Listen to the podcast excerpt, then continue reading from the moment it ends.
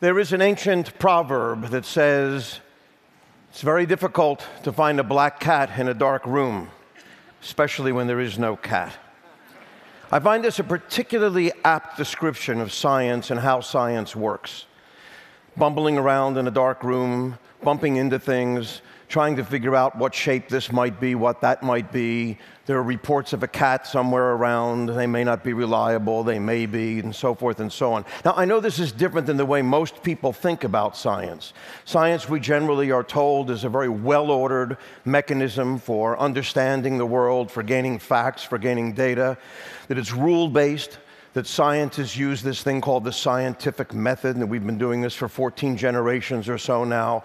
And the scientific method is a set of rules for getting hard, cold facts out of the data.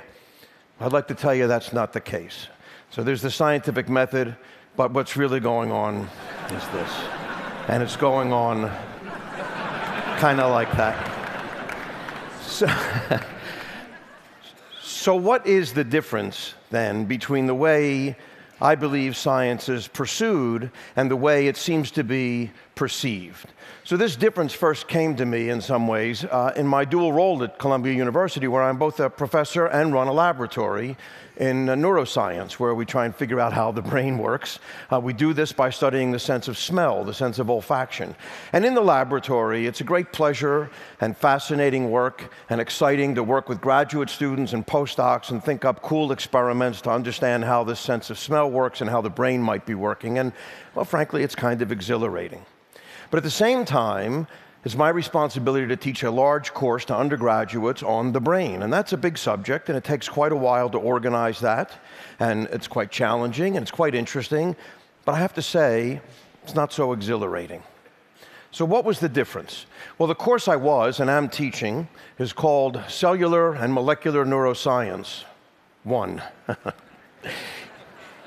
It's 25, uh, 25 lectures full of all sorts of facts. It uses this giant book uh, called Principles of Neuroscience by three famous neuroscientists. This book uh, comes in at 1,414 pages. It weighs a hefty seven and a half pounds. Just to put that in some perspective, that's the weight of two normal human brains. So I began to realize by the end of this course that the students maybe were getting the idea that we must know everything there is to know about the brain. That's clearly not true. And they must also have this idea, I suppose, that what scientists do is collect data and collect facts and stick them in these big books. And that's not really the case either. When I go to a meeting after the meeting day is over and we collect in the bar over a couple of beers with my colleagues, we, we never talk about what we know. We talk about what we don't know. We talk about what still has to get done what's so critical to get done in the lab. Indeed, this was, I think, best said by Marie Curie, who said that one never notices what has been done, but only what remains to be done. This was in a letter to her brother after obtaining her second graduate degree, I should say. I have to point out, this has always been one of my favorite pictures of Marie Curie because I'm convinced that that glow behind her is not a photographic effect. That's the real thing. It, it is true, it is true that her papers are to this day stored in a basement room in the Bibliothèque Française, in a concrete room that's lead lined. And if you're a scholar and you want access to these notebooks, you have to put on a full radiation hazmat suit, so it's pretty scary business. Nonetheless, this is what I think we were leaving out of our courses and leaving out of, of the interaction that we have with the public as scientists, the what remains to be done. This is the stuff that's exhilarating and interesting. It is, if you will, the ignorance. That's what was missing. So I thought, well, maybe I should teach a course on ignorance something I can finally excel at, perhaps, for example. So I did start teaching this course on ignorance, and it's been quite interesting. And I'd like to tell you to go to the website. You can find all sorts of information there. It's, it's wide open. Uh, and it's been really quite uh, an interesting time for me to meet up with other scientists who come in and talk about what it is they don't know. Now, I use this word ignorance, of course, to be at least in part intentionally provocative, because ignorance has a lot of bad connotations, and I clearly don't mean any of those. So I don't mean stupidity, I don't mean a cal- callow indifference to fact or reason or data. The ignorant are clearly unenlightened, unaware, uninformed, and present company today accepted often occupy elected offices it seems to me. That's another story, perhaps. I mean a different kind of ignorance. I mean a kind of ignorance that's less pejorative, the kind of ignorance that comes from a communal gap in our knowledge, something that's just not there to be known or isn't known well enough yet or we can't make predictions from. The kind of ignorance that's maybe best summed up in a statement by James Clerk Maxwell, perhaps the greatest physicist between Newton and Einstein, who said, thoroughly conscious ignorance is the prelude to every real advance in science. I think it's a wonderful idea, thoroughly conscious ignorance. So that's the kind of ignorance that I want to talk about today. But of course, the first thing we have to clear up is what are we going to do with all those facts? So it is true that science piles up at an alarming rate. We all have this sense that science is this mountain of facts, this accumulation model of science, as many have called it. And it seems impregnable, it seems impossible. How can you ever know all of this? And indeed, the scientific literature grows at an alarming rate. In 2006, there were 1.3 million papers published. There's about a 2.5% yearly growth rate. And so well, last year we saw over one and a half million papers being published. Divide that by the number of minutes in a year, and you wind up with three new papers per minute. So I've been up here a little over 10 minutes. I've already lost three papers. I have to get out of here, actually. I have to go read. So, so what do we do about this? Well, the fact is that what scientists do about it is a kind of a controlled neglect, if you will. We just don't worry about it in a way. The facts are important. You have to know a lot of stuff to be a scientist, that's true. But knowing a lot of stuff doesn't make you a scientist. You need to know a lot of stuff to be a lawyer, or an accountant, or an electrician, or a carpenter. But in science, knowing a lot of stuff is not the point. Knowing a lot of stuff is there to help you get to more ignorance. So, knowledge is a big subject, but I would say ignorance is a bigger one. So, this leads us to maybe think about a little bit about some of the models of science that we tend to use. And I'd like to disabuse you of some of them. So, one of them, a popular one, is that scientists are patiently putting the pieces of a puzzle together to reveal some grand scheme or another. This is clearly not true. For one, with puzzles, the manufacturer has guaranteed that there's a solution. We don't have any such guarantee. Indeed, there are many of us who aren't so sure about the manufacturer. So I think the puzzle model doesn't work. Another popular model is that science is busy unraveling things the way you unravel the peels of an onion. So peel by peel, you take away the layers of the onion to get at some fundamental kernel of truth. I don't think that's the way it kind of works either. Another one, a kind of popular one, is the iceberg idea that we only see the tip of the iceberg, but underneath is where most of the iceberg is hidden. But all of these models are based on the idea of a large body of facts that we can somehow or another get completed. We can chip away at this iceberg and figure out what it is, or we could just wait for it to melt, I suppose, these days. But one way or another, we could get to the whole iceberg, right? Or make it manageable. But I don't think that's the case. I think what really happens in science is a model more like the magic well, where no matter how many buckets you take out, there's always another bucket of water to be had. Or my particularly favorite one, with the effect and everything, the ripples on a pond. So if you think of knowledge being this ever expanding ripple on a pond, the important thing to realize is that our ignorance, the circumference of this knowledge, also grows with knowledge. So the knowledge generates ignorance. This is really well said, I thought, by George Bernard Shaw. This is actually part of a toast that he delivered to celebrate Einstein at a dinner celebrating Einstein's work, uh, in which he claims that science just cre- creates more questions than it answers. I find that kind of glorious. And I think he's precisely right. Plus, it's a kind of job security. As it turns out, he kind of cribbed that from the philosopher Immanuel Kant, who 100 years earlier had come up with this idea of question propagation, that every answer begets more questions. I love that term, question propagation, this idea of questions propagating out there. So I'd say the model we want to take is not that we start out kind of ignorant and we get some facts together and then we gain, uh, we gain knowledge. It's rather kind of the other way around, really. What do we use this knowledge for? What are we using this collection of facts for. We're using it to make better ignorance, to come up with, if you will, higher quality ignorance. Because you know, there's low quality ignorance and there's high quality ignorance. It's not all the same. Scientists argue about this all the time. Sometimes we call them bull sessions, sometimes we call them grant proposals, but nonetheless, that's what the argument is about. It's the ignorance, it's the what we don't know, it's what makes a good question. So, how do we think about these questions? I'm going to show you sort of a graph that, that shows up quite a bit on uh, happy hour posters in various science departments. Uh, this graph asks, uh, asks the relationship between what you know and how much you know about it. So, what you know, you can know anywhere from nothing to everything, of course, and how much you know about it can be anywhere from a little to a lot. So, um, let's put a point on the graph. There's an undergraduate. Doesn't know much, but they have a lot of interest. They're interested in almost everything. Now you look at a master's student a little further along in their education, and you see they know a bit more, but it's been narrowed somewhat. And finally, you get your PhD, where it turns out you know a tremendous amount about almost nothing. What's really disturbing is the trend line that goes through that. Because, of course, when it dips below the uh, zero axis there, it gets into a negative area. That's where you find people like me, I'm afraid. so, but the important thing here is that this can all be changed. This whole view can be changed by just changing the label on the x axis. So instead of how much you know about it, we could say, what can you ask about it?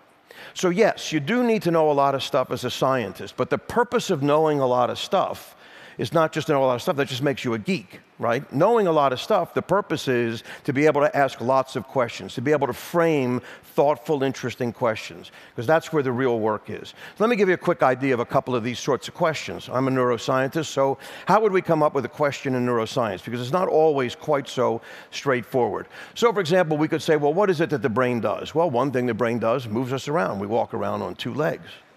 That seems kind of simple somehow or another. I mean, virtually everybody over 10 months of age kind of walks around on two legs, right? So that maybe is not that interesting. So instead, maybe we want to choose something a little more complicated to look at. How about the visual system? There it is, the visual system. I mean, we love our visual systems. We do all kinds of cool stuff. Indeed, there are 12,000, over 12,000 neuroscientists who work on the visual system, from the retina to the visual cortex, in an attempt to understand not just the visual system, but to also understand how general principles of how the brain might work. But now here's the thing our technology has actually been pretty good at replicating what the visual system does. We have TV, we have movies, we have animation, we have photography, uh, we have pattern recognition, all of these sorts of things. They work differently than our visual systems in some cases, but nonetheless, we've been pretty good at making a technology work like our visual system somehow or another, 100 years of robotics, you never saw a robot walk on two legs because robots don't walk on two legs because it's not such an easy thing to do. 100 years of robotics, and we can't get a robot that can move more than a couple steps one way or the other. You ask them to go up an inclined plane and they fall over, turn around and they fall over. It's a serious problem. So, what is it that's the most difficult thing for a brain to do? What ought we to be studying? Perhaps it ought to be walking on two legs or the motor system. Uh, I'll give you an example from my own lab, my own particularly smelly questions, since we work on the sense of smell. But here's a diagram of uh, um, five molecules in sort of a chemical notation. These are just plain old molecules, but if you snip those molecules up these two little holes in the front of your face, you will have in your mind the distinct impression of a rose. If there's a real rose there, those molecules will be the ones. But even if there's no rose there, you'll have a memory of a molecule. How do we turn molecules into perceptions? What's the process by which that could happen? Here's another example. Two very simple molecules, again, in this kind of chemical notation. Might be easier to visualize than this way. So the gray circles are carbon atoms, the white ones are hydrogen atoms, and the red ones are oxygen atoms. Now, these two molecules differ by only one carbon atom and two little hydrogen atoms that ride along with it. And yet, one of them, heptyl acetate, has the distinct odor of a pear. And hexyl acetate is unmistakably banana. So there are two really interesting questions here, it seems to me. One is, how can a simple little molecule like that create a perception in your brain that's so clear as a pear or a banana? And secondly, how the hell can we tell the difference between two molecules that differ by a single carbon atom? I mean, that's remarkable to me. Clearly, the best chemical detector on the face of the planet. You don't even think about it, do you? So, this is a favorite quote of mine that takes us back to the ignorance and the idea of questions. I, I like to quote because I think dead people shouldn't be excluded from the conversation. And, and, I also think it's important to realize that the conversation's been going on for a while, by the way. So, Erwin Schrödinger, a great quantum physicist and I think philosopher, points out how you have to abide by ignorance for an indefinite period of time. And it's this abiding by ignorance that I think we have to learn how to do. This is a tricky thing, this is not such an easy business. I guess it comes down to our education system. So I'm going to talk a little bit about ignorance and education because I think that's where it really has to play out. So, for one, let's face it, in the, uh, in, in the age of Google and Wikipedia, the business model of the university and probably secondary schools is simply going to have to change. We just can't sell facts for a living anymore. They're available with a click of the mouse, or if you want to, you could probably just ask the wall one of these days, wherever they're going to hide the things that tell us all this stuff. So, what, we, what do we have to do? We have to give our students a taste for the boundaries, for what's outside that circumference, for what's outside the facts, what's just beyond the facts. How do we do that? Well, one of the problems, of course, turns out to be testing. Um, we currently have an educational system uh, which is very efficient, but is very efficient at a rather bad thing. So in second grade, all the kids are interested in science, the girls and the boys. They like to take stuff apart. They like they have great curiosity. They like to investigate things. They go to science museums. They like to far, um, play around. They're in second grade. Um, they're interested.